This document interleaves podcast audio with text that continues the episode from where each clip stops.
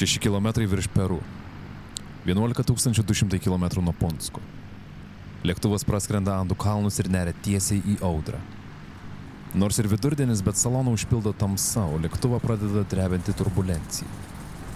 Virpesiai perauga į purtimą, vis didėjantį chaosą katalizuoja baimė, kai staiga pasigirsta. Dabar jau viskas baigta. O tada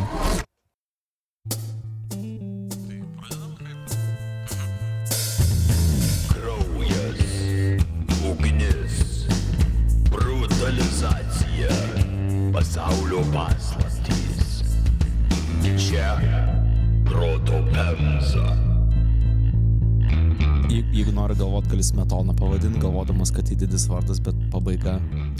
bent per, ugny, bent per griovį praskris. Per griovį perskrisi, bet sudegsi vis tiek. Su smetona visą laiką išsisuksi. Jo.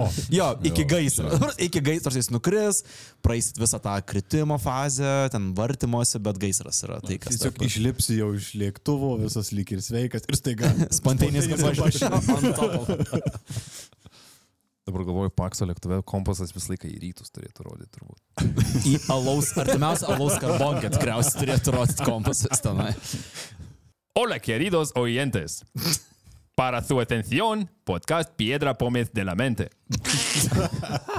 Kas suprato, suprato, bet vis tiek išversiu. Sveiki, mėly klausytojai ir klausytojus.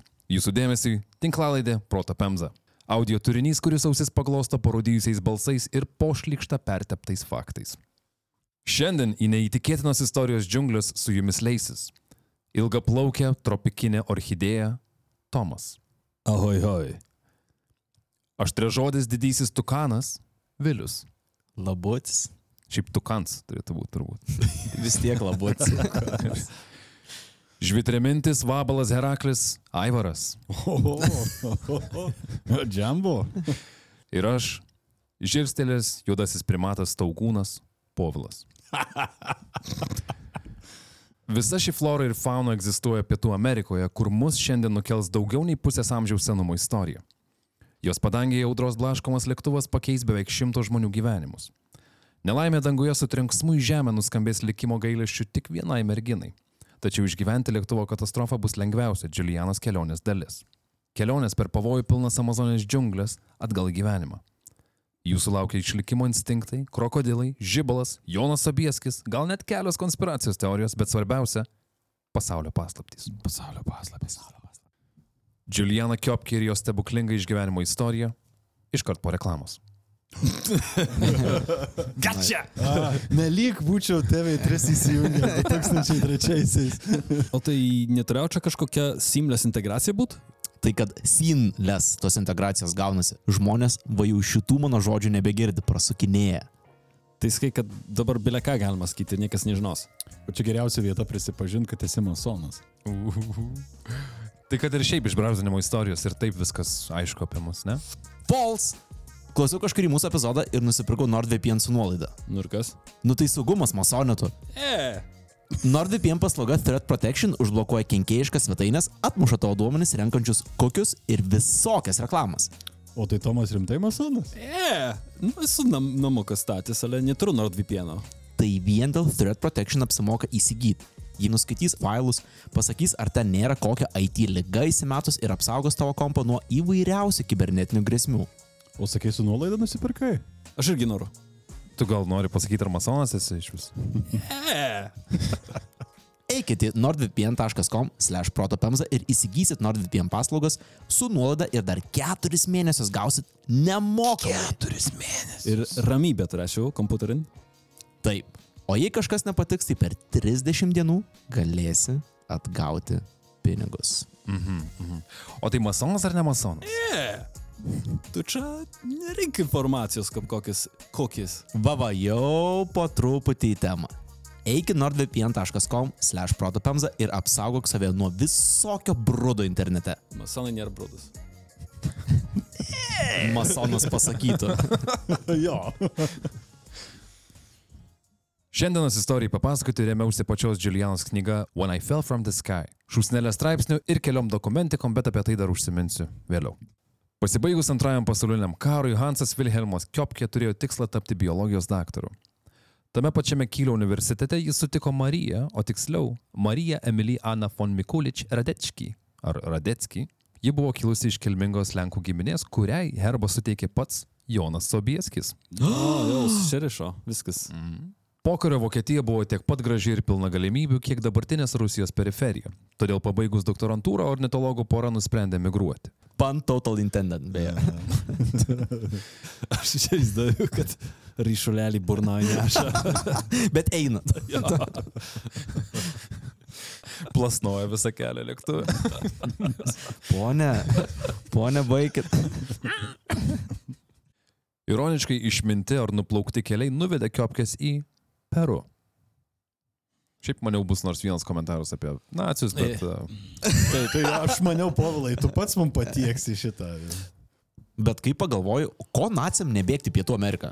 Bendruomenė jų buvo, šilta, faina, guli paplūdimys, skaitai knygas, pinakoladą pasipildai. O ką žinia, jie ten sėdėdami skaitė knygas apie save. Man atrodo, kad skaitė. Nu, visų pirma, tai turėjo pinigų, kad įpirkti saugumą, tai tikrai knygų galėjo nusipirkti. Nu, bet vis tiek norisi pigiau įsigyti kažką skaitomo, juo labiau vokiečiui. Ha, kaip tyčia, turim tam nuolaidą. Kokią nuolaidą? Baltos lankosgi turi nuolaidą. Tugi daugiausiai skaitai iš mūsų, Aivarai, ko tu nežinojai? Kalbėjai, gerai kalbėjai, gerai. Nu tai nueini į baltoslankos.lt ir nuo sausio 25 iki vasario 18 džiaugiesi 20 procentų nuolaidą visom elektroniniam ir audio knygom. Palauk, tu nesakei, kad kažkoks kodas turi būti. Tai čia aš nepabaigiu pasakot. Ai. Tom pačiom dienom pritaikai nuolaidos kodą Proto Pemza 5 ir gauni papildomą 5 procentų nuolaidą. E, Galim gal biškai pastabdyti įrašą, man reikia čia biškai nusipirkt knygų. Tai galim sustabdyti dabar epizodą kokiam pusvalandukui, ne? Ir visi einam į baltaslankos.lt. Klausytojai irgi gal kažką susiras. Nu kaip, aš apie nacius jaučiuos prisiskaitęs, tai gal kokį... Romaną, receptų knygą, enciklopediją. Taip! Tai kodas yra Proto Pemza 5. Nepamirškit, kad kaip ir papildoma 20 procentų nuolaida galioja iki vasario 18 dienos. baltoslankos.lt nuolaidos kodas protopemza 5. Daktarai Kiopkės Limoje tęsė savo akademinius darbus, kai 1954-aisiais į pasaulį pasibeldė Juliana. Tėvų gimtinės nemačiusi mergaitė savo dvikalbę vaikystę praleido klausydamasi istorijų apie gamtą, o į žygius su jais iškeliavo nuo pat tada, kai ant pečių sugebėjo nulaikyti kuprinę. Hansas ir Marija turėjo planą iš Limos išsikraustyti į visišką džiunglių pažastį, kur savo ramiai galėtų tyrinėti gamtą. Padirbėtų ten penkerius metus ir grįžtų į Vokietiją rašyti vadovėlius ir diplomais tapetuot namus. Tai mergaitė nuo pat mažų dienų yra Laukinukiai. Laukia. Gata salvahė. Iškart žinom, kad žinos, kurie paukščiai yra valgomi. Čia padės turbūt. Tai, tai, Pažiūrėsim. Šiam aštuntais Hansas rado vietą šitai zoologų svajoniai. Šiandien atstumą iki ten būtų galima nuvažiuoti per maždaug 14 valandų. Tada keliauti reikėjo tik savaitę. Autobusų, mašinom, valtim ir pėsčiom. Čia nėra alternatyvos, čia yra kokia eilės tvarka reikėjo ir keliauti iki tos vietos. Du suaugę baltieji vokiečiai ir jų 14 metė dukra su krūva daiktų ir keliais egzotiniais naminiais gyvūnais atvyko į savo naujus namus - Panguaną. Neskaitant kosmoso, tai čia gali būti toliausia vieta nuo Punsko, kurią aptarinėsim. Apie porą šimtų kilometrų į rytus nuo Andų kalnų esanti Panguana nėra miestas. Nėra ir kaimas. Tai tiesiog džiunglės. Julianas tėvai turėjo viziją, kad su laiku Panguana taps gamtos rezervatu. Paukščiai, vabzdžiai, ropliai, drugeliai, šikšnosparniai, žuvis ir viskas, ko dar nepasiekė Matijo Šaitinio žmogaus pjūklai ir ugnis, turėjo būti stebimi, aprašomi, o svarbiausia - saugomi. Gyvenimas džiunglėse kiopkių šeimynai nešė visokio kalibro rūpeščių, bet meilė gamtai buvo sunkiai išmatuojama. Kasdien jie stebėdavo fauną, įrašinėdavo jų garsus ir rinkdavo pavyzdžius. Čia Juliana išmoko atskirti paukščius iš jų skleidžiamų garsų, išmoko ką valgyti, o kokių krabų lasdelių nevalgyti, bet svarbiausia, ji prisijaukino džiunglės ir išmoko juose išgyventi. Labai greitai visas šitas Džumandži universitetas jai pravers. 1970 kovo Kiopkiams buvo pranešta, kad jų dukra negalės laikyti egzaminų, nes džiunglių gimnazijos atestatas nebuvo priimtinas akademiniai perų sistemai. Todėl Juliana turėjo grįžti į Limą ir sėsti į mokyklos suolą. Bliavo. tai ji namuose buvo. Mokoma. Taip, jinai Okay. gaudavo paštu knygas ir uh, okay. užduotis. Kadangi vis daugiau oro linijų pradėjo skraidyti iš Limos į Pukalpą, o Pukalpa buvo artimiausias miestas Mhm. su oro uostu prie Panguanos, tai Džiuliana vis grįžinėdavo. Taip daug lengviau keliauti, nes nuo Pukalpos iki Panguanos pėsčiomis yra vos dvi dienos kelio, tai maždaug 200 O. km. Lengvas pasivaikščiojimas. Palyginus su savaitę karavaną per Andus, lengva, bet kelionė vis tiek galėjo užtrukti kelias dienas. Taip besitaškant tarp mokyklos ir džiunglių, Džiuliana įprato prie skrydžių, todėl kai jos mama su reikalais atvyko į Limą, jos tarėsi, kaip patogiau kalėdoms grįžti į Panguaną. O gal skrendam anksčiau? Vis tiek pamokos jau baigėsi. Bet mama, išleistuvės. Fiesta de promoción. Gerai, gerai. Tada skrendam gruodžio 24. Marija Kiopke pradėjo ieškoti lėktuvo bilietų, bet laisvų vietų buvo tiek pat, kiek žalgerio rungtynėse gerais laikais. Vėliaus veidą iškreipys skausmas. Ir taip mama su dukra gavo deficitinius skrydžio bilietus, bet buvo viena problema. Skrydį organizavo itin prastai pagarsėjusios oro linijos Lansa. Kodėl Lansa buvo šūdinas pasirinkimas ir daugiau apie šitų oro linijų lėktuvus papasakosiu idėjų kompostą. Tai po savaitės ar bet kada, kada klausai, ateik pas mus į Contribui. Ten vietų papildomo turinio lėktuve visada yra, o Proto Pemzos oro linijos yra ko gero patikimiausia pseudointelektualiosios beletristikos kompanija kaip už tokią kainą. Narystės kaina prasideda nuo vos daugiau nei 15 zlotų. Po išleistuvių nuvargusi Juliana ir skraidyti apskritai bijanti jos mama, 1971 gruodžio 24 atvyko į Limos oro uostą. Ten jas pasitiko chaosas. Dėl prastų oro sąlygų daug skrydžių buvo atšaukta, o nepatenkinti žmonės užgulė oro linijų klientų aptarnavimo bufetus, tikėdamėsi kalėdas sutikti su šeimomis. Vienas iš tokių nepatenkintųjų buvo žymus vokiečių kino kūrėjas Werneris Herzogas. O, jisai ten buvo tuo metu. Nice. O, Tai nice. čia jis Agira filmavo. Jo. Taip. Nu, Okay. Manau, ne vienas klausytojas yra girdėjęs apie jį, o jei ne, tai po šio epizodo bus puikiai proga susipažinti su Hercogo darbais. Ta kart jis bandė gauti vietas skrydžiui į Pukalpą, kur ieškojo lokacijų savo busimam filmui Agirė Dievo rūstybė. Geras filmas, beje, labai rekomenduotinas. Nice. Tačiau vietoj Wernerio Hercogo ir jo komandos į Lansą skrydį 508 buvo pakviestos Marija ir Juliana Kiopkės. Besidžiaugiant, kad jau greitai sugrįš į Panguaną, mama su dukra žengė link lėktuvo. Belaukiant, Juliana su dviem vaikinais spėjo pasijuokti iš lėktuvo vardo. Lėktuvas vadinosi Mateo Pumakakwa. Ką jis reiškia? Tai buvo Peru nepriklausomybės e, kovotojas, kurį nuketvirčiavo ispanai. O, okay. Ir e, prie lėktuvo prasidėjo bairiai, kad, o, kad tik lėktuvo nenuketvirčiuota ir, žodžiu, su gerom nuotaikom. Prašo šiek tiek. jo, jo. Na, bet su gerom nuotaikom visi sulipo į lėktuvą. Čia kaip su Titaniku, nu kad šitas laivas čia dabar paskęs. Nu, Jo, kas būtų atitikmuo? E, Lietuviškas laivas, pavyzdžiui, Pilenai. o ne. um, Juliana atsisėda į 19 F vietą prie lango, prieš paskutinėje eilėje. Jos mama sėdi šalia. Greta į lėktuvo kėdę kresteli vyras, kuris dar nepakilus užmiega.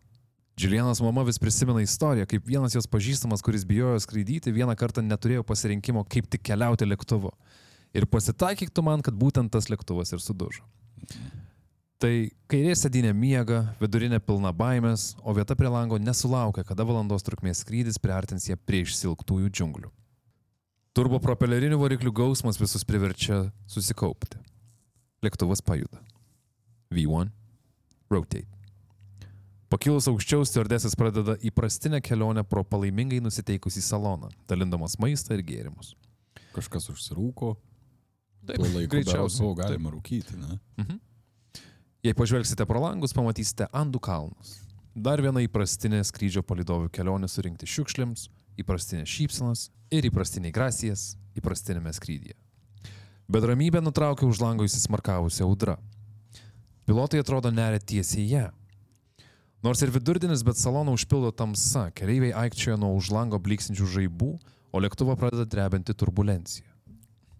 Virpesiai perauga į purtimą, iš viršutinių lentynų pradeda kristi krepšiai ir dovanos, kurios pasklinda po saloną kaip konfeti.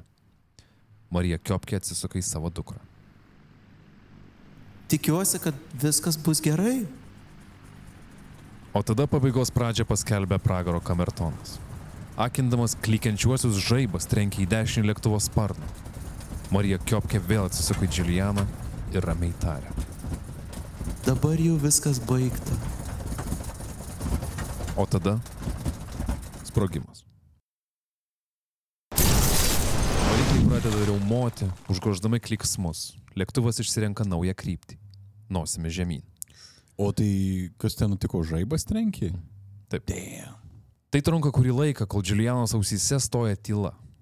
Šalia nebėra mamos.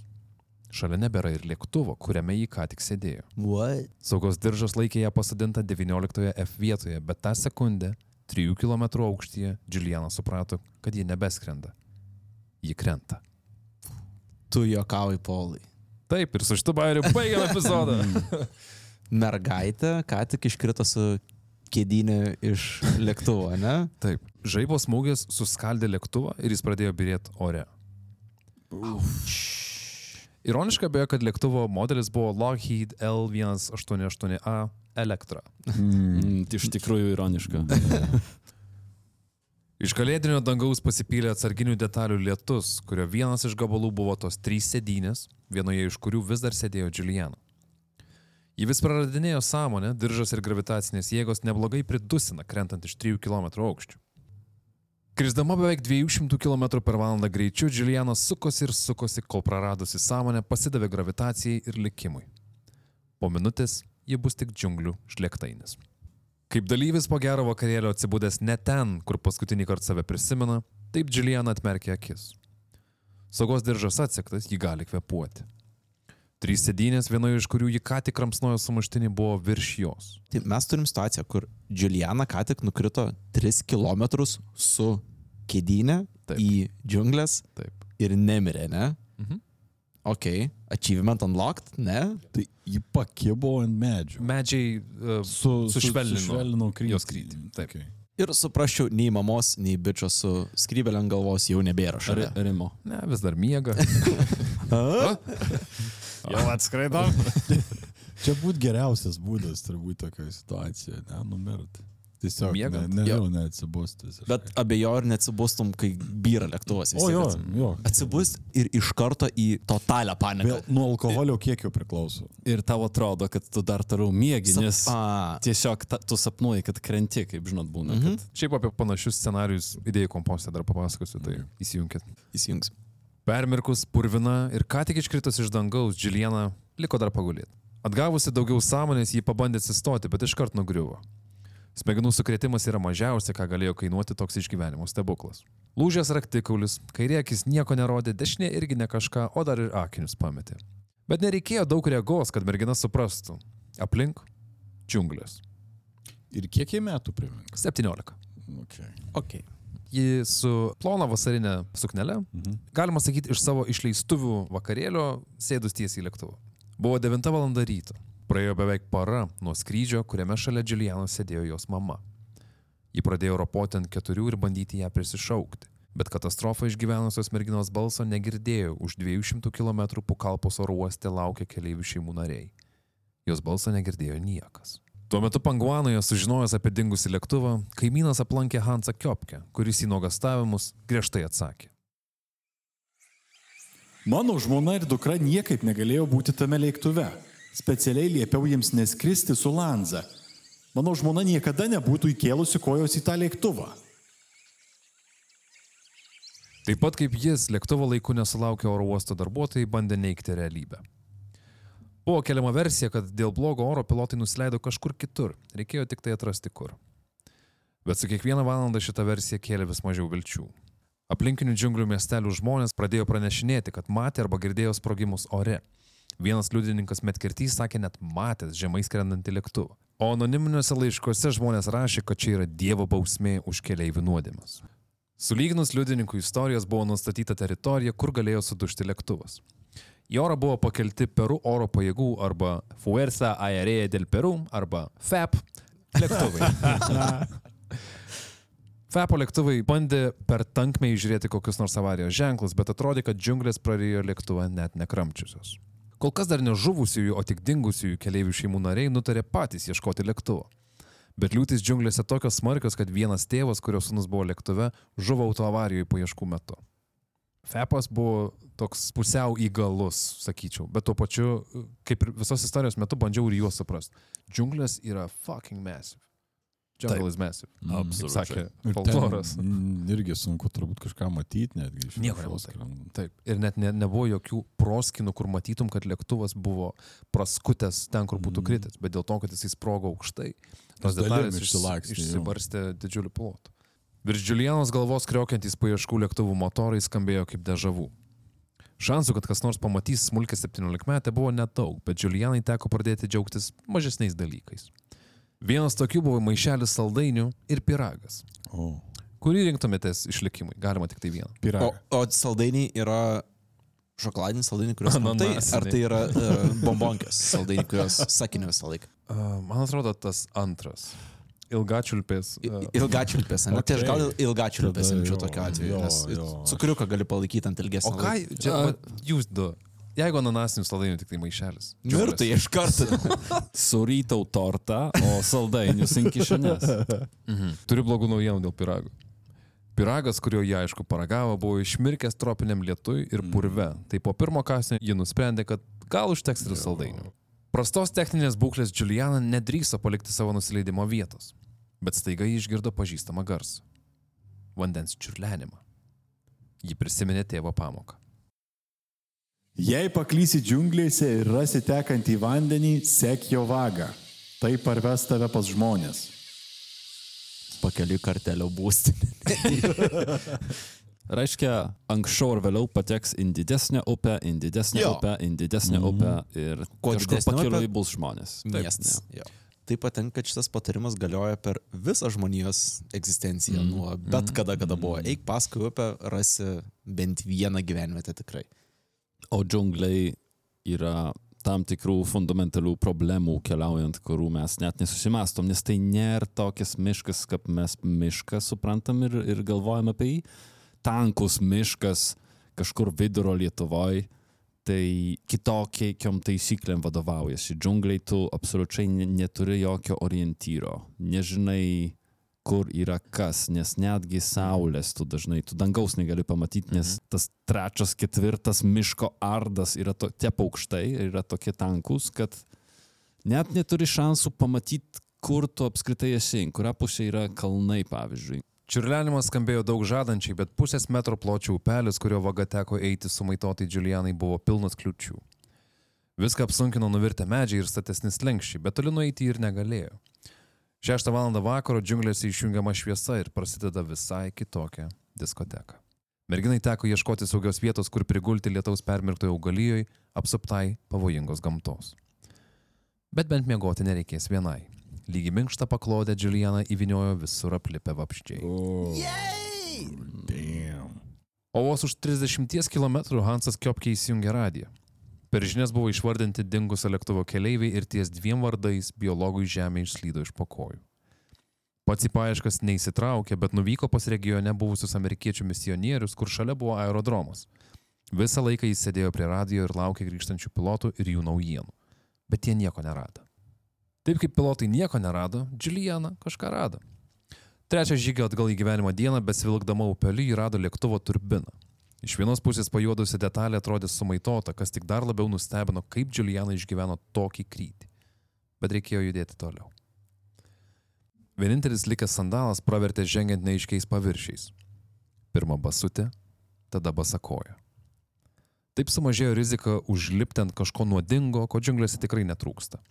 Gyvatės, vorai ir varlės galėtų nužudyti Julianą, bet net ne iš karto, o po jėgas atimančio karščiavimo ir jėgų praradimo. Čia baisi mirtis atrodo. Ir labai praverčia, nu, jai antras sėkmės momentas, kad kaip tyčia, vad gyveno šeimoje, mm Mhm. -hmm. kuri, vad domėjosi tokiais dalykais. Ji šiaip tai visą gyvenimą ruošiasi. Jo, šitam. panašu. bent, jau, bent jau mažų mažiausiai, jei patekti džiunglės nebuvo totalus šokas, nes ji yra buvus tenai. Bent jau žino, kad Jo. džiunglės gali būti pavojingos, gražios, bet pavojingos, ne? kad tu turi saugotis kažko, kad turi galvot, kur tu dėsi savo sekantį žingsnį ir panašiai. Tai nėra, kur dabartinis, nežinau, miesto vaikas nukristų ten su telefonu ranku ir bandytų. Sveiki, aš esu džiunglėse. Live streaming. Jo, live streaming, pa iš tada. Atsargumas buvo tokio lygio, kad kai ketvirtą dieną ėjimo baiginėjosi saldainiai, Juliana nusprendė, kad jau geriau badaus, nei bandys laimę suvalgius kažką rasto pakeliui. Tai ji visiškai nieko nevalgė, negėrė, tik bombonkis valgė. Taip, iš to, ką radau. Damn. Džiunglėse tuo metu buvo lietingas sezonas, todėl vaisių nebuvo arba buvo labai mažai, o iš tėvų pasakojimų Juliana žinojo, kad jeigu ir įžiūrėtų kažką, tai iš to, ką jį rastų aplink, didžioji dauguma dalykų buvo nuodingi. Bet bent galėjo gerti šaltinių vandenį, kuris susimaišė su žemėm įgavo mielą kapučino spalvą. Ir man čia atrodė tiesus kelias į dizenteriją. Aha. Kad būtų aiškiau, tai dizenterija yra storosios žarnos uždegimas, nuo kurio kelias dienas karščiuojama, o tada kelias savaitės viduriuoji. Ūmiuose stadijose ir raudonai. Tai plaukit rankas, negerkit iš balos ir jeigu planuojat pasiklys džiunglėse, tai tik trumpam ir su 5 litrų vandens. Ačiū dėl balos, povilai. Taip. Man šitą kasmet reikia pasikartoti. Tai. Bet anot Džiulianos džiunglių žemės nėra užtertos žmonių, tai infekcijos išvengti pavyko. Bet nepavyko išvengti vienišumo jausmo ir baimės, kuriai uoslę turi ne vienas iš tamsos į praeivę spoksantis gyvūnas. Bet taip pat kaip nežinome, kiek mūsų maisto prispjaudoma, taip pat Juliana nežinojo, kiek dėmesio per atstumą jai skiria fauna aplink. Įsivaizduoju savo, kad vis tiek yra momentų, kada jauti, kad kažkas žūro. Tu nematai, tu negali įrodyti, bet jauti kažkino akis. Nepamiršk, kad tu esi vis dėlto žmogus visos evoliucinės grandinės dėka žinantis, kada į tave žiūri, nes kitaip nebūtų ta rūšis, kaip mes išgyvens. Mm. Tu jauti, kad tu esi stebimas visą laiką, nes staiga tu nebesi on top of the food chain, staiga tu esi dalis jos. Mhm. Šiaip e, irgi gal, kad kažkiek nupiešt tą vaizdą pilnesnį, tai su džiunglėm yra žiauriai įdomus dalykas. Džiunglė yra nesveikai triukšminga. Visą parą ten yra triukšmas. Skirtingi gyvūnai, skirtingom naktim, mhm. bet vienintelis momentas, kada džiunglė nutyla, yra vidurdienis, kada yra per karšta ir niekam nesinori tada triukšmauti. Uh, fiesta. Siesta. Ai, siesta, atsiprašau. Gali būti ir fiesta. Iš medžių tankmės pasigirdo garsas, kurį Juliana žinojo. Žinojo ir kodėl tas garsas buvo ten. Dvėselina ar bent ateinanti mirtis pritraukė karališkuosius grifus. Juliana tik tikėjosi, kad kraupieji paukščiai kažkur netoliese kapoja ne jos mamą. Bet grifų gargaliavimą tuoj užgoš merginos nuostaba. Ji ne viena. FEP organizuotas lėktuvo paieškos buvo bevaisės, o kai kurių žmonių liudijimai pakibo ant plauko. Buvo sužinota, kad audros, kurie ir blaškėsi lėktuvas metu, pajudėjo didelė purvo nuošliauža, kuri galėjo suklaidinti liudininkus, kad tie girdėjo sprogimą ar lėktuvo dužį. Hansas Kiopke krapštė paskutinius vilties skatikus ir iš paieškų grįžtančio piloto Klaido Peterso žodžius, kad gal lėktuvas tikrai kur nors nutupė, priėmė viltingai. Tokią teoriją sustiprino tai, kad nebuvo rasta nei vienos detalės, o nebuvo ir rimtų liudininkų, kurie patvirtintų, kad matė, kaip lėktuvas skrido ir subirėjo ore. Kažkurgi turėtų matytis kažkoks tai gelžgalis. Bet praėjo jau penkios dienos, o galbūt sužeistam, be maisto ir vandens tiek išbūti, kad ir tvarkingai nusileidusiam lėktuve yra per ilgai. Už vieno iš upelio posakių Džilianas staptelėjo. Priešais ją buvo lygiai tokia pati detalė, su kokia ji nusirito iš dangaus. Trys sėdynės, kuriuose sėdėjo žmonės, pro kuriuos Džiliana greičiausiai praėjo ieškodama savo vietos. Jie čia. Vienintelis skirtumas tarp jos nusileidimo ir šitos detalės buvo tai, kad čia žmonės leidosi matydami žemę. Tai paaiškina, kodėl jų galvos ir kūnai buvo sulindę į žemę ir kišojo tik kojos. Medyje tupintys grifai laukia, kol natūralūs gamtos procesai paruoš jiems puotą. Juliana prišoko prie buvusių keliaivių ir pagalvojo, gal kažkuris kūnas jos mamos. Net su pagaliu atvertė kojų pirštus, o pamačiusi lakuotus nagus nusiramino, nes jos mama niekada nelakavo kojų nagų. Ir tik tada jis suprato, kad taigi mama sėdėjo šalia jos, mm. tai jinai negalėjo tenai būti. Tai gavo- gavo... visi liko savo vietos ir mhm. prisisegė. Taip. nu. Tai gavosi, kad tiesiog papaukino lavoną. Būsimos grifų vakarienės nebuvo reikalas saugot, Julianai reikėjo judėti į priekį. Iššovus paskutinį saldainį ir apsidairius, ar čia vieninteliai žmonės aplink, ji tęsė kelionę. Pirma basutė, tada basakoja. Gruodis yra lietingojo sezono pradžia. Temperatūra naktį nukrenta iki 18 ar 22 laipsnių, o dieną gali trenkti ir 32 karščio. Pridėkim 100% drėgmę, pastovų lietų, smegenų sukretimą ir kelias atviras žaizdas ir bus galima ieškoti šešėlio, kuriame aplipęs uodais ramiai pabaigsi savo dienas. Juliana teigia, kad kol ji ėjo, nelabai norėjo valgyti. Bet skurdi mytyba pradėjo apgaudinėti galvą. Jai vis atrodė, kad girdi vištas. O tai būtų civilizacijos apraiška. Mhm. Iš alkio ji pradėjo gaudyti varles. Žinojo, kad jos nuodingos, bet paskaičiavo, kad suaugusio žmogaus nenužudytų viena varlytė. Tai džiugu, kad ir nepagavo nei vienos, nes tiek nusilpusi ji būtų turbūt tiesiog nusižudžius su tokiu mm. užkandžiu. Čia visai iš to reikėtų ne- nepamiršti, kad jie eina su lūžusiu raktikuliu, kas Taip. Kiekvienam tavo judesiui prideda papildomą dimenciją skausmo. Penktą ir šeštą dieną Juliana pagaliau išgirsta gerų naujienų. Paukščių hocinų giesmė, jei taip galima ją pavadinti, skamba labiau kaip gerai parūkančio žmogaus švokštimas, kuris man primena pakimusios pištos garsus arba kažkuria Mijos dainą. Bet povilai, kodėl šita višta yra geros naujienos? Ogi todėl, ačiū, kad paklausiau, kad hocinai čilina tik prie didesnių vandens telkinių, tai prie platesnių upių, o prie platesnių upių vyksta gyvenimas, tai ir bus žmonių. Susibražiusi kojas ir rankas besibraudama link naujosios upės, Juliana vėl išgirdo lėktuvus. Moralinė paspira išsigelbėti? Taip. Bet ar jėgų tuoj liks tik kristi ant žemės ir laukti grifų? Irgi taip. Tačiau pagaliau ji pasiekė didesnę upę, kurios plotis buvo apie 9 metrus. Bėda su šita upe buvo tai, kad jos šonai buvo nepraeinami. Eiti šalia upės džiunglėmis ilgai užtruktų, nežinia, ant ko ten užlipsi, o kartą ir ant kaimano patelės beveik užsirovė. Tai Todėl įvertinusi situaciją, Juliana pasirinko eiti pačią upę. Susirado lasdą, kad patikrintų, ar ten, kur nori dėti žingsnį, nėra spigliuotojų rajų ar krokodilų.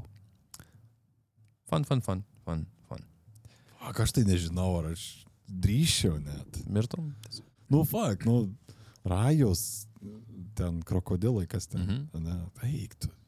Jesus. Turbūt um, su ta lasda ne tik tikrini, bet darai triukšmą. Irgi reikia turėti omeny, jinai žino, kaip veikia gamta. Jis sakė, kad miegant kartais prieidavo gyvūnų, bet džiunglės yra... Miego ten sugebėjo. Jo, tai čia jau yra Jesus. šešta diena, kaip jinai eina. Tai, O, naujakas toj. tai jis sakė, kai miegodavo, girdėdavo, kad prieina kažkokie tai didesni gyvūnai.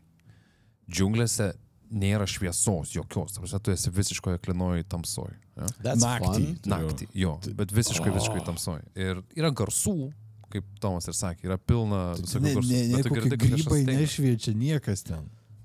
Bliama, bet čia yra kažkas tokio, kad tai, kad tu esi Mario. 17, tai, kad tu esi 17 metų kažkuria dalim padeda tau toj vietoj, nes tu dar neinternalizuoji viso pavojus, kuris tau gali kilti, bet mm. tarkim, būdamas, nežinau, uh, vyresnio amžiaus, girdėdamas garsus aklinoje tamsoj, tu gali išprotėti. Taip, jau per daug nuo- žinai. Jo, vien nuo to, kad tu žinai, koks yra pavojaus lygis, gali pamest protą, ne? Bet mhm. uh, jeigu esi jaunesnis, tikriausiai spėčiau, nežinau, tikrai, bet uh, gali kažkaip peržengti ar ignoruoti tuos garsus, ar didesnius gyvūnus prieinančius, kaip tiesiog yra, yra ir, nežinau, aš tiesiog iš- išmiegosiu ir tai nekels man papildomos grėsmės kažkokios. Tai jinai džiaugiasi, kad mano, kad jaguarų nesutiko. Akivaizdu, Bet, iš to, e, kad papasako tą istoriją tikriausiai nesutiko. Ir rašau tik tai kairę ranką. Bet sakė, kad naktį išgirdavo didesnį gyvūną, tai jinai dažnai tiesiog krenkšteldavo. Ai, Ir gyvūnai pabėgdavo. Tai Tapyras, pavyzdžiui, toks išsikasdavo jo, ir tiesiog dingdavo. Bandydavo tiesiog kažkokį garsą atskleisti. Nes Jo. klausimas ir man irgi. Ir taip Juliana dreifuoja žemyn upe. Tai ėjo, tai plūduriavo. Vis atsitrenkdama į nugriuvusius medžius, iš paskutinių jėgų perlipdama juos, bet plaukė iki kol reikės sustoti nakčiai. Kai permirkusi, ji padės galvą ant grindų džiunglių, kurios jos niekaip nepaleidžia. O panguanoje Hansas Kiopkė nervingą rašyseną barstė žodžius ant lapo. Laiškas keliaus jo giminėms Vokietijoje. Praėjo savaitė, jau lėktuvas vis dar nerastas. Orai dažniausiai geri, todėl paieškos gali vykti į visas pusės. Toliau laiškiais punktais surašė liudininkų parodymus ir galimas lėktuvo ir jo keleivių likimų teorijos. Rytoj prasidės liūdniausi Hanso Kiopkės naujieji metai. Uf. Kai išgyveni skrydį laisvų stiliumi iš 3 km aukščio, džiunglės tai priima kaip tavo norą per jas eiti ant sunkiausio lygio. Juliana turėjo dar vieną bėdą. Jos blausdos žaizda pradėjo tinti, bet tai buvo jos geriausia žaizda. Blogiausia buvo ant dešinės rankos galinės pusės. Kodėl ji buvo blogiausia? Žaizda buvo sunkiai prieinamoj vietoj, bet Julianai nereikėjo kinių, kad pamatytų dešimtis iš žaizdos kyšančių lervų. O. Neturėdama tinkamų įrankių, su kuo tos kirmeliukus ištraukti, ji bandė naudoti savo žiedą išsilankščius, bandė naudoti pagaliukus, dar kažką, bet kirmelėm labiau patiko būti žaizdoj negu už jos ribų. Fuck. Šita mergaitė, mergina šiuo metu yra situacija, kur tu turi augintinius savo žaizdoj ne dėl to, kad tu nesi pajėgus jų išsiimti, bet dėl to, kad jie tokie atkaklus, kad jie vis tiek lieka tavo žaizdoje, nes tu vis tiek turi mėgoti, turi gultis ant paklotės, džiunglių ir panašiai. Tu negali atsikratyti šito parazito iš savęs. Niekaip. Tai tiesiog seks tave visą laiką. Čia yra pakankamai priežasčių išpratėti. Čia šit, tik šitoj vietoj, neskaitant visą kitą, kas vyksta aplinkui. Ok. Bet hei, nesijautė vieniša gal. Pradedi vardus duotom. Styvas. Hansas, Helmutas. Kažkada Panguanoje jų šuo pasigavo tokių pačių kirmelių ir jos tėtis pasiūlė sprendimą, kaip išvyties lauk. Jeigu naudosi spiritą, šuo kauks iš skausmo. Tai jie panaudojo žibalą, nes tas irgi skauda, bet tipo nedegina ir visos kirmelės išlipa lauk. Bet dabar jie neturėjo nei spirito, nei žibalo. Jie turėjo tik kaimenę kirmelių, kurios priartėjus pagaliukui sulyzdavo atgal į žaizdą. O. Net kirmelės yra. Fucking where? crunchy stuff, man. Jep. Ok. Jo. Nusilpus, pilna kirmelių ranka, sulaužytų raktikaulių ir balansuojant ant mirties ribos 8, 9 ir 10 dienas Džiuliana pakilo nuo kranto ir vėl lindo į šaltą vandenį, kad plauktų pasroviui. Pirma basutė, tada basakoja. Kaip neprižiūrimas variklis kosti gedimais, taip išsausėjusios ir alkanos smegenys pradeda žmogui rodyti tai, ko iš tikrųjų nėra. Plaukiant Džiulianai vis atrodė, kad ji mato namų stogus. Toliau tos vištos kudakuoja, medis, lipam, plaukiam, stogas, vištos, medis, lipam, plaukiam ir taip kartojas ir kartojas.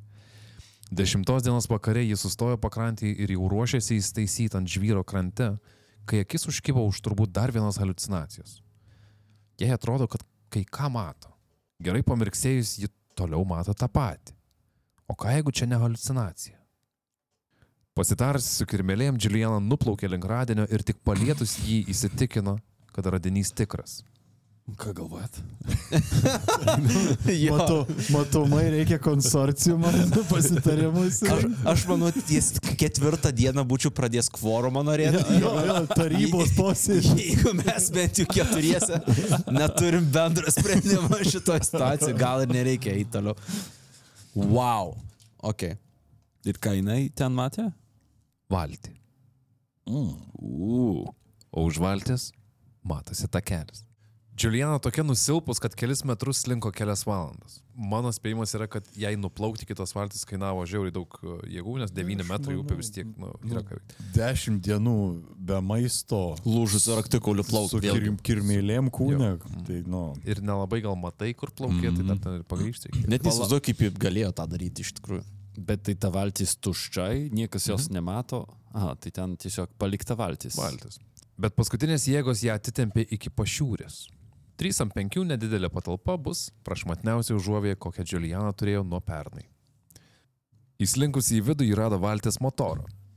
Liko tik nusinešti motorą į valtį, užkabinti jį ir plaukti namo. Ai, o, tik tiek. Viens, Okay. du. Reikėjo susikaupti ties kažkuo, ką buvo įmanoma padaryti. Ir Džiulianos akis nukrypo į kanistrą patalpos kampe. Kvapo su nieko nesumaišysi. Benzinas. Ar nujaučiat, ką dabar papasakosiu? Apsilies savo žaizdą. Šiaip netaip atsidariusi kanistrą, Džiuliana sukaupė visą drąsą ir užpylė benzino ant žaizdos su kirmelėm. Kirmelės nežino, kur reikia bėgti link išėjimo, tai pradžioje kai kurios bando raustis gilyn į žaizdą. Kas turbūt dar daugiau skausmo atneša? Manau, tu teisus. Tai turbūt nuo Džiulianos klyksmo viduje dalis kirmelių nusprendė atsisveikinti su žaizda ir išlyst lauk. Bet kaip pats vaizdas turi atrodyti? Blogai. Jis įsilenda pirmą į vidų. Jo, ir tada pradeda lyst kažką. Čia toks uh, pats prasčiausias Worms, Wormsų mapsas, kurį gali turėti tikriausiai. Čia, čia yra šiaip tai laimingiausia pastraipa nuo labai seniai. Šit, Jo, šita jo, scena. Aš kažkaip susigyvenau su tom kirmelėm ir jas traktuoju kaip Julianas tokia integralė dalim, bet tu teisus tom. Pasigydžiusi Džiuliana ruošėsi praleisti naktį pašiūrėje, bet grindis buvo per kietos, todėl ji nušliaužė mėgoti į krantinę. Apsiklojusi gabalų brezento, ji planavo, ką daryti ryte. Eiti, likti, plaukti ar laukti. Pagalvos rytoj. Pradėjo lyti. Teko grįžti ant kietų pašiūrės grindų. Brėkštant rytui sugrįžta ne tik šviesa, bet ir halucinacijos. Julianai atrodė, kad jį girdi balsus. Trys balsai vis artėjo iš džiunglių, artėjo ir staiga nutilo. Trys vyrai sustojo, atsitraukė ir išplėtė akis. Aš mergina iš Lansa lėktuvo avarijos. Mano vardas Juliana. Suvaldę išgasti vyrai aprengė ir pamaitino merginą, pakrapštė kirmelės ir negalėjo patikėti Julianos sėkme. Ne tik dėl to, kad jį išgyveno, bet ir dėl to, kad metkirčiai paskutinę minutę nusprendė aplankyti namelį prie upės. Lietus privertė visus pasilikti namelėje per naktį, bet ryte Juliana grįš į pasaulį, kuris mintise jau buvo atsisveikinęs su ja. Nuo lėktuvo katastrofos buvo praėjusios 10 dienų. Keistoka, bet oficialios lėktuvo paieškos jau buvo nutrauktos. Žurnalistai traukė namo ir tik aukų artimieji, nepraradę vilties, dar blaškėsi po džiunglės ieškodami bent mažiausias lėktuvo ar kūno dalies. Pakrovę Džiulianą į valtį, vyrai pasileido Rio Šebonija upe atgal į civilizaciją. Ir kai tik naujienos pasiekė spaudą, užgimė įvairiausios Džiulianos išgyvenimo istorijos. 17 metė mergina išgyveno lėktuvo katastrofą Perų džiunglėse. Dienų dienas klaidžiojo po to gražų mišką ir pelkės, pasistatė plaustą ir pasiekė metgirdžių stovyklą. Juliana pareigūnams sakė, kad keletas žmonių išgyveno katastrofą. Nu, čia taip pribūrė visai. Iš profesinės pusės galiu pasakyti, kai turiu vieną faktą, kad išgyveno Juliana, nu ir tada reikia padaryti bent jau puslapio straipsniuką iš šito, ne? Tai tada ir keliauji. Aš nesu taip daręs jau ką. Ir niekas ką pažįstu nėra taip daręs. Ne? Taip, nes tu nedirbai Larytė. Tiesa. Tiesa. Gandais ir vaizduotė paremti straipsniai pasakojo, kaip Juliana pasistatė plaustą ir be sąmonės plaukė upe, kad tada jie rado vietiniai, kuriem jie tik pasakė, ten yra lavonų ir vėl atsijungė. Šitą versiją perspausdino ne vienas laikraštis. Dar buvo rašyta, kad iš sudužusio lėktuvo ji pasiėmė tortą ir taip išgyveno, o su kiekvienu straipsniu tortų skaičius kažkodėl didėjo. Jo, turėjo kuprinę pilną tortų. Jo, tiesiog ant galvos susistatė milžinišką vestuvinį tortą ir visą laiką ėjo per džiunglės su juo. žinai. Dešimties aukštų kiekvieną Taip. dieną po vieną. Taip, taip. Ji net nebuvo alkana realiai, kai grįžo. Pastambėjus išėjo. Priaugo. Kažkuris laikraštis rašė, kad jinai skrydžio metu laikė vieną tortą ant kelių ir kai sudužo, nukrito, jau turėjo tortą. Iki su tortu. Nu, aš išlaikyti tortą intact, kol sudužti. Juliana buvo pristatyta į Turnavistą miestelį. Jos akių oboliai buvo krūvinai raudonos spalvos, kas prietaringus vietinius nuteikė neįtin jaukiai. Daug kas mane, kad regionui ir apskritai sveikam žmogui neįprastai atrodanti mergina buvo kokia nors džiunglių deivė. Aplink buvo visai daug misionierių ir daugelis iš jų buvo atvykę į vietinės kalbas išversti Bibliją ir vietinius supažindinti su Jėzum Kristu. Amerikietė misionierė pasisiūlė nuskraidinti Julianą į už šimto kilometrų buvusią ligoninę. Mergina neturėjo jėgų atsisakyti, o ir kirmilės dar ne visos išimtos, tai pasirinkimo nelabai buvo. 20 minučių skrydis Julianai buvo kančia, nes pilotė tvirtino, kad bus geriau, jeigu Juliana atsiguls, o tada rovė posūkius lyg skraidintų bulvių maišus. Atvykus į Jeriną Kočią buvo sutvarkytos žaizdos. Visas Julianos kūnas buvo sukandžiotas vabzdžių, o kirmeliniai reikėjo kelias dienas laikyti lasdelę su jodu, kad gytų žaizda. O spaudoje toliau liejosi nebūti interviu ir neįmanomos Julianos istorijos versijos. Nerūpestingai renkami žodžiai buvo mažesnė bėda nei ta, kad kitų keliaivių artimieji džiunglių tamsoje staiga gavo panglosišką šviesulį. Jeigu išgyveno šita mergaitė, tai kodėl negalėjo išgyventi ir kiti?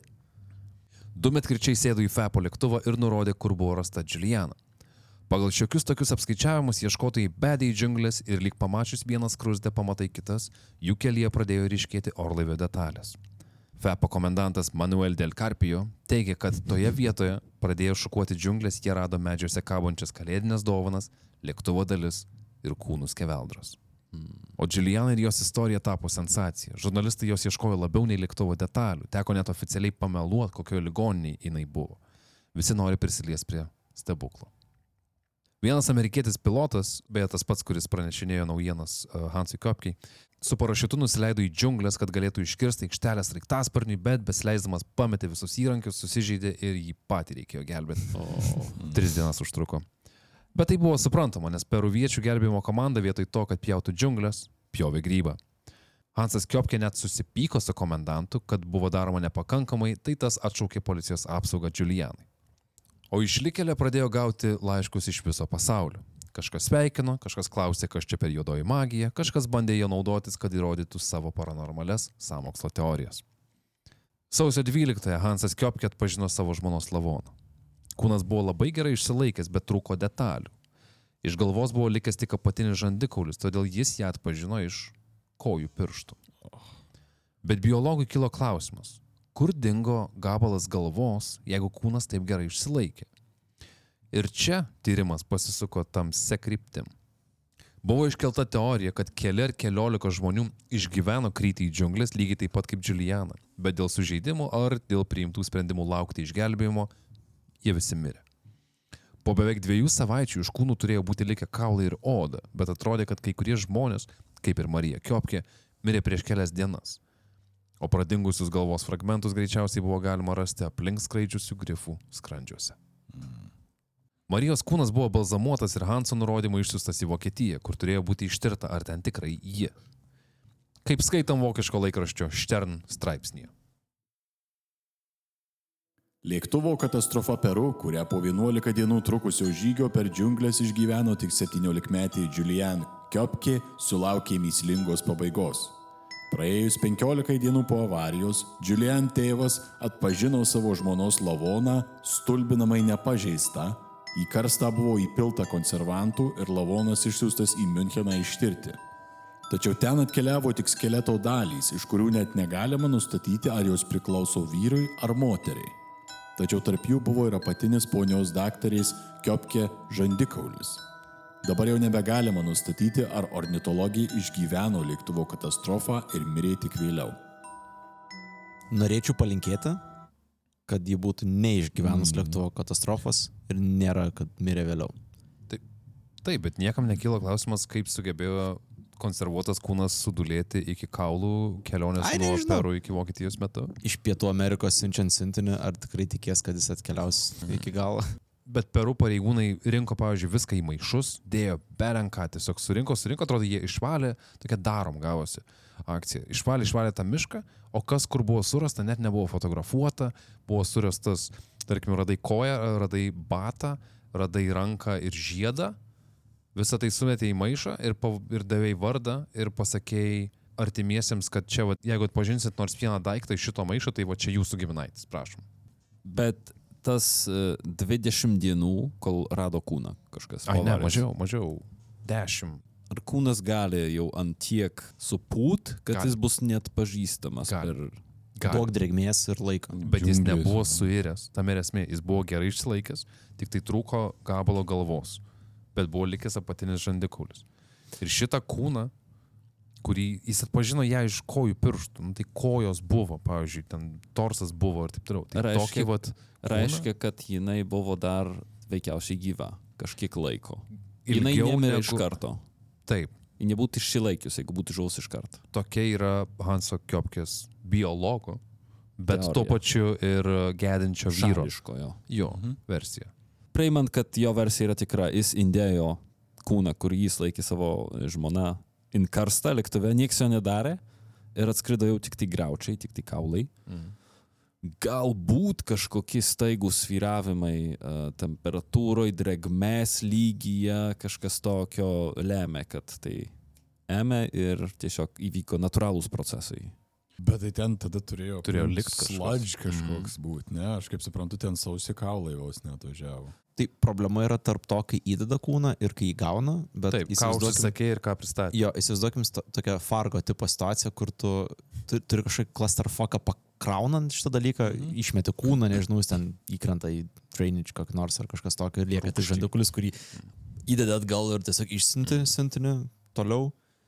Nes labai sunku įsivaizduoti konspiracijos teoriją, kurioje kas nors, ką nors laimi šitoje vietoje. Ką Mhm. tu potencialiai Aš tą gali laimėti iš šito. motyvo klausimas, ar ne? Šiek Jo, tiek jo, būtent. lieka. Teisingai. Nebent ateiviai. Ateiviai nepaliktų kraujo ir atrodytų, kad viskas yra chirurgiškai. Jo, būtų net ne žandikulius, o staiga tiesiog gyva moteris kažkodėl karsta. Hansas Kiopke palaidojo savo žmoną, ar kas jis mane buvo jo žmona Vokietijoje ir istorija paaiškinimo taip ir nesulaukė. Juliana pasveiko ir tėvo buvo išsiusta į Vokietiją pabaigti mokslus. Ten ji bandė slėptis nuo žurnalistų, kurie ją net kaltino palikusius kitus išgyvenusius mirti. Taigi laikraščiai abiejose žemynuose toliau rašė vėjus. Kam jau kam? Vokiečiam tikrai kaltinti šito dalyko. Vėliau savo istoriją papasakojo tik tai Wernerio Herzogo filme. O, visgi padarė. Taip, 98 išėjo The Wings of Hope. Reiks pa... Verta žiūrėti. Filmas visai įdomus dėl to, kad Hercogas prikalbino ją nuskristi atgal į Peru ir jie iš ketvirto karto išsikirto aikštelės raiktasparniui ir su komanda nuvarė į tą vietą, kur jinai greičiausiai ir nukrito. Ir jie tada ėjo vėl visą kelią peščiom. Skamba kaip... vietos. Ačiū, Werneris Werneri, jo. Trauma. Dar kartą jo, išgyventi. Taip. Tik su kamera. Tai toks uh, hercogiškas visai, ta, ta tokia dokumentika, jie randa ten detalių, visokių. Šiaip visai įdomu. Jeigu nuspręsit domėtis, tai gal aš geriau žiūrėčiau Hercogo filmą, negu skaityčiau jos knygą, nes ten daug kas atsikartoja. Na, nu, aišku, daug kas atsikartoja šitą patį istoriją. Hansas Kiopke po keliarių metų irgi su visam grįžo į Vokietiją. Panguanoje nebuvusi septynerius metus, Juliana pradėjo reguliariai ten lankytis. Baigusi mokslus į tapo biologę, tėvo pastumėta specializavosi šikšnosparnių tyrimus. O norėdami išpildyti savo tėvų valią, ji pasiekė šeimos tikslą. Panguana tapo gamtos rezervatu. Mažos bet drąsios merginos kova prieš didžiulę gamtą baigėsi jos prijaukinimu ir išsaugojimu. O Perų vyriausybė niekada nepaskelbė tikslių lėktuvo katastrofos priežasčių, bet pagrindinė jų buvo piloto sprendimas skristi per audrą vien tam, kad pagal grafiką spėtų pasiekti Pukalpą. Beveik visi skrydžio keleiviai kelionę baigė dalimis ant džiunglių šakų, bet net ir nukritus iš dangaus, Juliana mažai žingsniais sugebėjo grįžti į gyvenimą. Pirma basutė, tada basakoja. Jie gyva dar. Taip. Taip. Toliau tyrinėja šikšnosparnius. Jo. COVID pasaulį. Ar tai buvo jos kerštas? Eik tu, šiaip išprotėjus istorija. Aš tai būčiau miręs tikrai vietoje, o čia. Tai vad kviečiu pagalvoti, kurioje stadijoje būtume kiekvienas pasibaigę. Nėra ką gal. Bet čia yra nerealu. Ir man labai patinka e, žmogus prieš gamtą, Mhm. vėl tokia istorija.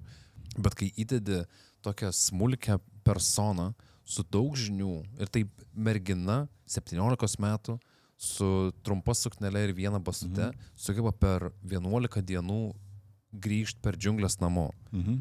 O džiunglės atsirado nukritus iš dangaus. Čia yra du kartus laimėta Jo. loterija. Bet net ne loterija, o savo žiniom pasinaudojant. Tai va, ne, būtent antrą kartu yra iliustracija, turbūt kiek reik, nu, verta yra bent truputėlį, bent kažkokį turėti supratimą va, tos erdvės, kurioje tu randiesi. Tu neturi Mhm, būti jos taip. ekspertų. Turėt Neturi- vokiečius tėvus, kad... Nu, kažką tokio. Bet aš tiesiog susijęs, ne, Kiopkės istoriją, paskui žiūrėjau, ne, uh, Touching the Void, apie, apie tą bičią, kuris ten lūžęs visas leidosi nuo kalno ir ten irgi halucinacijose buvo, kol kažkaip atsidūrė base camp'e. Uh, ir irgi, nu, toks buvo vos ne automatinis vadovavimasis kažkokiu tai bendru žinojimu, supratimu, patirtimi, kuri buvo. Tai domėkitės dalykais. Mm Mhm. -hmm. Taip, sutinku, bet tuo pačiu prie tų toliau nei bazinės žinios esančio tokio išsilavinimo pridėjo, kad uh, galbūt jos būdas irgi. Kitas vaikas būtų laukęs, kol jį išgelbės, tiesiog kad Taip. nieko Nu, nedarys. tai- Tai.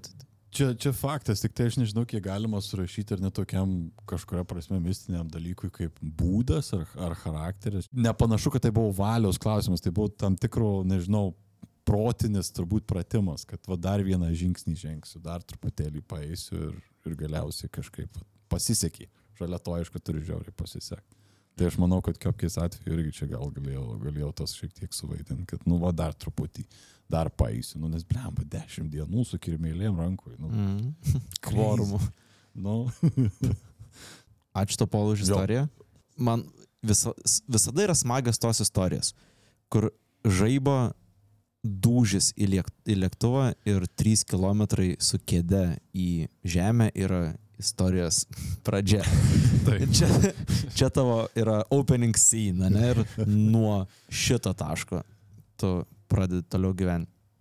Bet kartu, sakant, ką ką tik Aivaras minėjo, mane vėlgi labai stipriai žavi tas faktas, kad aš tą nurašyčiau ant jaunystės tikriausiai, tą žmogaus gebėjimą uh, išgyventi to vietoj. Mm. Būdas taip, žinios apie džiunglės taip, bet gebėjimas negalvot apie siaubą, kuriame tu esi. Diena, tarsi diena yra siaubas, naktis yra siaubas, kuriam aš žinau, kad mirčiau vien dėl to, kad yra tamsu ir aš girdžiu, kaip dideli gyvūnai prie manęs prieina. Aš ne halucinacijas matyčiau, o tiesiog pradėčiau bėgti ir mane suvalgytų, nežinau, kad ir kas valgo žmonės naktį upėse. Bet 17 metų mergaitė, e, turėdama žinių apie džiunglės ir turėdama vieną aišku tikslą, sugebėjo išgyventi visą tą žiauriai prastą kelią iki tol, kol rado valtį. Mm. Labai sunku įsivaizduoti save šitoj situacijai mm. išgyvenant. Sunku pakankamai stipriai pabrėžti tą faktą, kad žmogus nukrito iš 3 km aukščio ir išgyvena šitą dalyką tam, kad išgyventų 30 km kelionę per džiunglės ir po to slėps nuo žurnalistų, kurie bandys papasakoti šitą istoriją visiškai, visiškai neteisingai. Tikslumo dėliai ne 30 km jinai nuėjo, šiaip nėra tikslaus atstumo, kiek jinai nuėjo, nes ją vis tiek e, su laiku ne į Panguaną pristatė. Panguaną jau iš ten ligoninės. O tai kiek jie nuėjo kilometrų, gal tu žinai? Nėra tikslaus skaičiaus. Tai 30 km buvo iki Panguanos. Taip. Tie į priešingą pusę. Visiškai visokie. Kažkur rašė, kad jeigu jinai būtų ėjusi į priešingą pusę, būtų per tris dienas prieėjus civilizaciją, bet ten irgi turėtum, bet irgi turėtum žinot, kur eini. Jo, jo. Tai Šitie pats leviausia, kur kažkas po tos kelionės sako, žinai, jeigu būtumės į priešingą pusę. Geriau galima padaryti. Jo, jo. Aš, Aš, jeigu aš, tai būtų ėjęs. Taip, taip. Puikia istorija, ačiū Pavelai. Žinai, už ką tau noriu padėkoti, kad turim tokią pozityvią istoriją vis dėlto. Labai įspūdingą, kraupę, kuri prasideda nuo tokio, prasideda blogai. Ta prasme, nuostabiai, bet ir blogai. Lėktuvas sudūšta. Čia yra, nežinau, ar gali sugalvoti tokią blogesnę pradžią, mhm. pradžią istorijos. Mhm. Kai kurios istorijos tik tiek ir turi. Jo, tai. Jo. Sakytumėm, dauguma tokių istorijų tik tiek ir Šiaip turi. O tada, o tada turim tą tokį vilties e, spindulį, kad nepaisant visko, kažkokiu stebuklu, keista, kad šito žodžio dar nebuvo šitam uh, epizode, stebuklu, jinai liko gyva, nesuprasdama kap. Ir tada eina blogin. Čia man tokias vienas esminis elementas ar pamoka yra, kad kaip kurie žmonės tiesiog gyvent nori labiau. Jo. Tai ačiū Jums, kad paklausėt. E, Labai rekomenduoju pažiūrėti vis dėlto Bernerio Herzogo dokumentiką Wings of Hope vadinasi. Gal crazy faktų norėsiu pabaigti, kad e, katastrofos apylinkėse viena moteris atidarė kioską, į kurio vieną sienų buvo atremtos to lėktuvo durys. Ir kioskas vadinosi Julianos durys. Ne, Okay. nežinau, ar jis vis, vis dar egzistuoja, bet Įdomus variantas. Mhm. O po savaitės idėjų komposte kalbėsim apie Lanza oro linijas ir neįmanomas išgyvenimo istorijos, tai įspėju, kad įsijungtumėt, nes mes ten irgi būsim. Dar įsijungti rekomenduoju mūsų Facebooką, mūsų Contribui ir taip įsijungsit, įsijungti mūsų Instagramą, įsijungti mūsų Tomo Kašneka Lenkiją. Štai Lenkija, esam dėkingi už jūsų pastangas e, įtvirtyti mus ir Wikipedijoje. Tiesiog kažkoks gatekeeperis nenori, kad šitą informaciją Kol kas. pasiektų. Ja. Kol kas. Sekit mus uh, internete, už savaitės idėjų kompostas, o šitam kartui turbūt tiek. That, that, that, that's all, folks. Iki. Viso. Iki. Iki.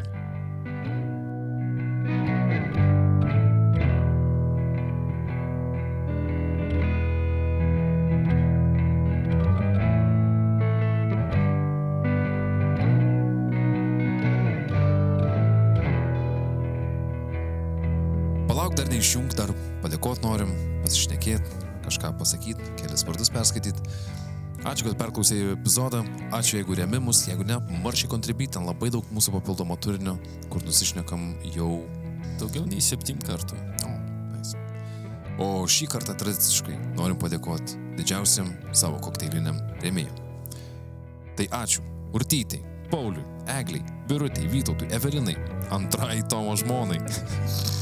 Nice, Tomai. Kur pirma? Jo, nes buvo Aivaro žmonas. Man ir įdomu. Get your facts straight. Intergalaktiniai briedžiui, Kamiliai, Gabisiukui, Karolinai, Artūrui, Sneaky for LTU, Julijai, Gvidonišiui, Palapnok, Netadeušui, Leonai, Domai, Mantikorai, Tomai, Soliukiai, Mantui, Giedrai, Vykintai, Gniužby, Gintariai, There was an attempt. Gintariai Irmanai, Regimantui, Pavasarytei, Guželiui, Arnui, Mariui, Indrijai, Vickuliui, Davidui, Simonai, Dainiui, Dviratbolui, Jaspui, Davidui, čia padavai, žiūrėk. Juratei, King of the Mountain, įsimylėjau Aivarą, Wow. Čia vėl gintaras yra. Ne, ne, ne, kaip. Ernestui, Evelinai, Aleksui, Vargo Pisuokliui, Mantui, Žvilinui, Sauliui, Rimai, Pauliui, Aivaro Meilučiai, kiek galima. Jutai, Emai, Tomui, Kriokliui, Kamtui, Šikį, Majakį. Sprinteriui, tavo tėvo Malkiniai, Agniai ir Vytautui, tokie iš Kybartų. Siekiu išlagbaumui, Paulinai, Aiščiui, Žilvai, Davidui, Omeiwa Maušindeirų. Džin 8, Tomui, Kazimierui, Makauliui Zuokiui, Gvidui, Vitalijai, Jovitai, Muavai, Jutai Kriogaliui, dingo šuo. O. Nerastai, Rokui, Gedui, Dariui, Saint Ingridai, nepraustam prūsui, Kubikui, Karinai, Kestučiui, Andriui, Silvijai, Karštai Šaltienai, Martynui Marčiui, Gintariai, Sauliai, Matusajui, Pauliui, Apanavkai, Jėvai, Legolasui 5, Metai, Zapekankai, Gediminui, Nedai, Simomonai, Orinimus, Ulai, Slaptelės, Slaptelės. Laimonai, Simonai Dietlovo, Meškutėms, Laurinai ir Godai, Silvinai, Laurai, Brisiaus priekiui, kas skaičiuojat kokias dalis tai. Pradėjom, s- va, prasidėjo Brisiaus countdownas. Ignui, Butkeliui, Aurimui, Airidui, Gabrieliai, Paulinai, dar vienam Tomui, Marčiniui, Dijončiui, kulminaciniam taškui, Pijui, Mantui, Mykolui, Tomui, Šiurpiai, Arnoldui, Šarūnui, Žygimantui, Robertai, Linai, Mantui, Martynai, skambink 1482, maladėt, Kuzmico, Tomaš, Rasytė iš Braškyčių Lyspės, Justinui, Chmieliauskytei, Arūnui, Igniai, Reitanui, Unikornui, Linui, Jonui, Vazoniniai Beždžioniai, Tratiniui Šepečiui, Vieciniui, Spartan the Beard, Viliui, Povilui, Sūnui Palaidūnai, Pauliui, Jėvai, Tomui, Saidai, Kentauro klasioko broliui, Tom, O taip pat pačias šilčiausias ir švelniausias ir niekino skrandžio turiniu nepagardintas padėkas norėtume siūsti jums, mūsų mėly rėmėjai. Tai yra ir tau, Martynai, Suzi, Justina, komisijos policariatai, Mineligai, Martynai, Evelina, Rutenė, Deimantė, Gabrielė, Ananasinė Vaflė, Agata, ačiū Braškutė, Meda, Tita, Meda. Aš jaučiu, kad ne tą linksnį pataikiau kažkur, bet jau tikrai nebesustosiu. Erika. Ema, Salvijau, Mariu, Dimješkiai, Dimješkiau, Dija, Vitenė, Skrusdelytė, Šarvuoti, Birutė, Propnikai, Žilvinai, Baronai von Solkenza, Retro, Lukai, Laurinai Šalitaus, Ramuniui Pievai, Rokai, Myklo Morai, Kamilė, Tomai, antrą kartą pamečiu linksnį. Ties čia sustosiu ir tiesiog noriu ačiū pasakyti jums, mėly klausytojai. Pavyzdžiui, tau, povilai. O ne, aš to pačiam. Pa...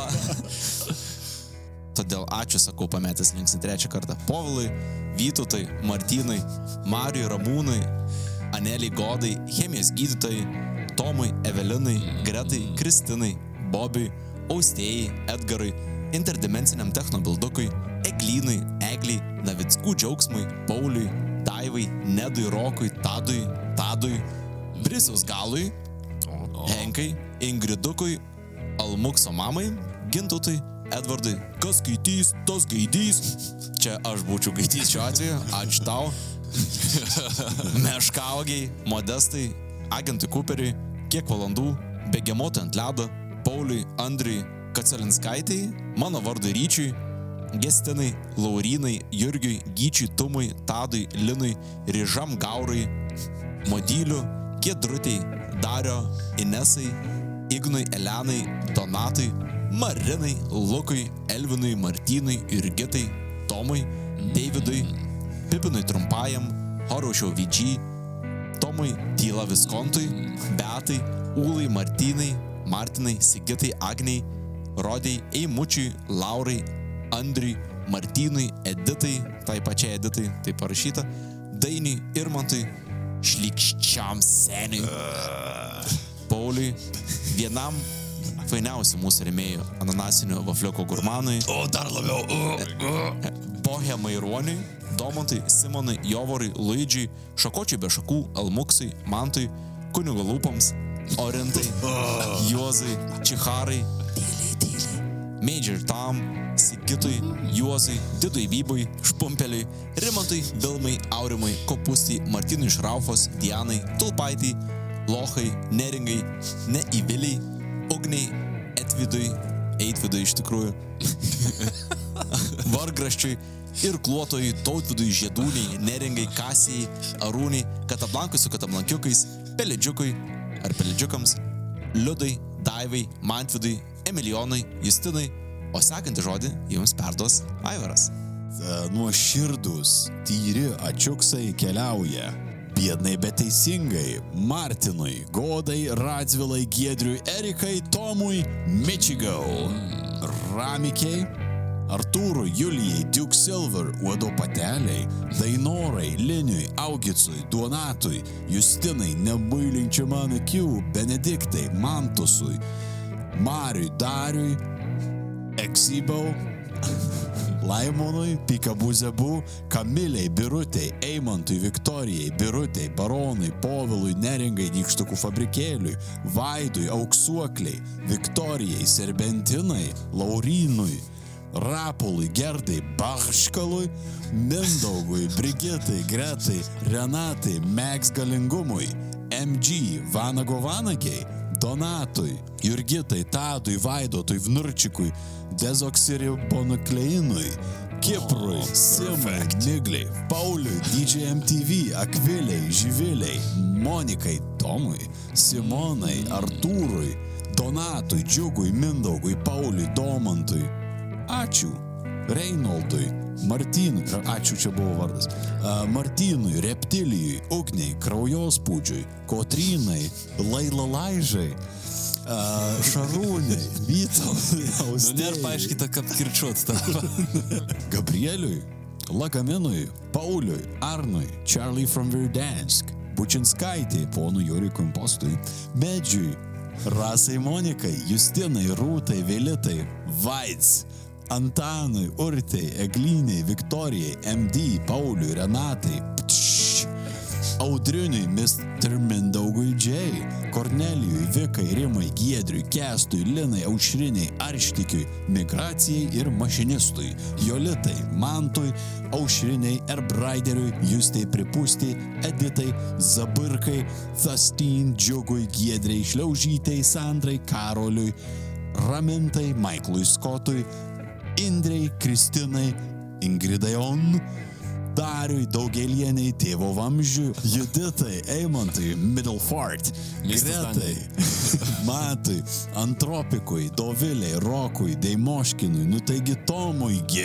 Linai, Gustei, Irmantui, Ernestai, Giedriai, Gretai, Kristei, dviems metrams be galvos, ausies skausmui, Vaidotui, Deimantei, Pauliui, Audrai, Pertopce, Melitai, www.baldaiska.lt naudoti odiniai baldai, Arūnui, O taip pat, ačiū taram šiem žmonėm po dvitaškio, be kurių šitas epizodas jau būtų pasibaigęs. Nepamiršk linksnius teisingus tomų, nepaslys, kad mano bananas žiūrės. Rūtai, Ryteniai, Ingai, Gretai, Silvijai, Robertui, Brisiaus pasididžiavimui. Rimai Kats, Pauliui, Redai, Laimonui, Agniai Doviliai, Arnui, Pijui, Mindaugui, Doviliai, Egliai, Mechškiui, Donelaitei, Robertai, Augustai, Mikiai, Pūrui, Geruliai, Brisiaus Lencūkui, Justui, Vytautui, Krapui tarp dantų darui, Agniai, Dėdėjai, Tomui, mhm, Mantui, Akučkaitai, Tadzi Kučiui, Benui Editai Pukeliui, Linai Egliai, Gediminui, Sauliui, Evelinai Tadui, Vygai, Arnoldui, Raimondui, Solveigai, Povilui, Raimondui, Viltei, Mykolui, Mantui, Bitskai, Gretai, Jonui, Marijai, Mildeliai. Tai buvo nedidelė balta katyčiai.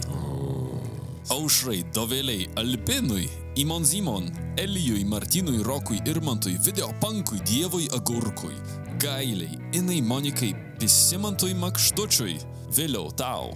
Remigijui, Darui, Inesai, Gintai, Ritai, Egliai, Aidai, Kristinai, Monikutei, Skirmantei, Viliui, Emantui, Alvitai, Marui, Vytautui, Juliai, Egliai, Tomui, Tomui, mhm, mhm, Robertui, Pavlai, Jorindai, Gretai Mildai, Mažinitui, Andreliui, Dominikui, Rasai, Arūnui, Justai, Marijui, Mariui, Sakmai, Bybys, Arminui, Sarūnui, Rūtai, Auritai, Justinui Kašėtai, Vinckūnaitei, Konigundai, Mirandai, Kūgiai, Mūgiai, Mikui B, Ainui, Eirimai, Justinui, Domantui, Rolandui, Gabrieliui, Benui, Tomai, Abarieniai, Gretėjai, Medoniui, Ufonautui, Akviliai, Nešiai Pindrai, Rasai Edvinui, Arvydui, Sauliui, Burbalicious, Nastiušai, Linai, Brigitai, Vaidui, Simonui, Eugenijui, Volter Bankui, Monikai, Dr.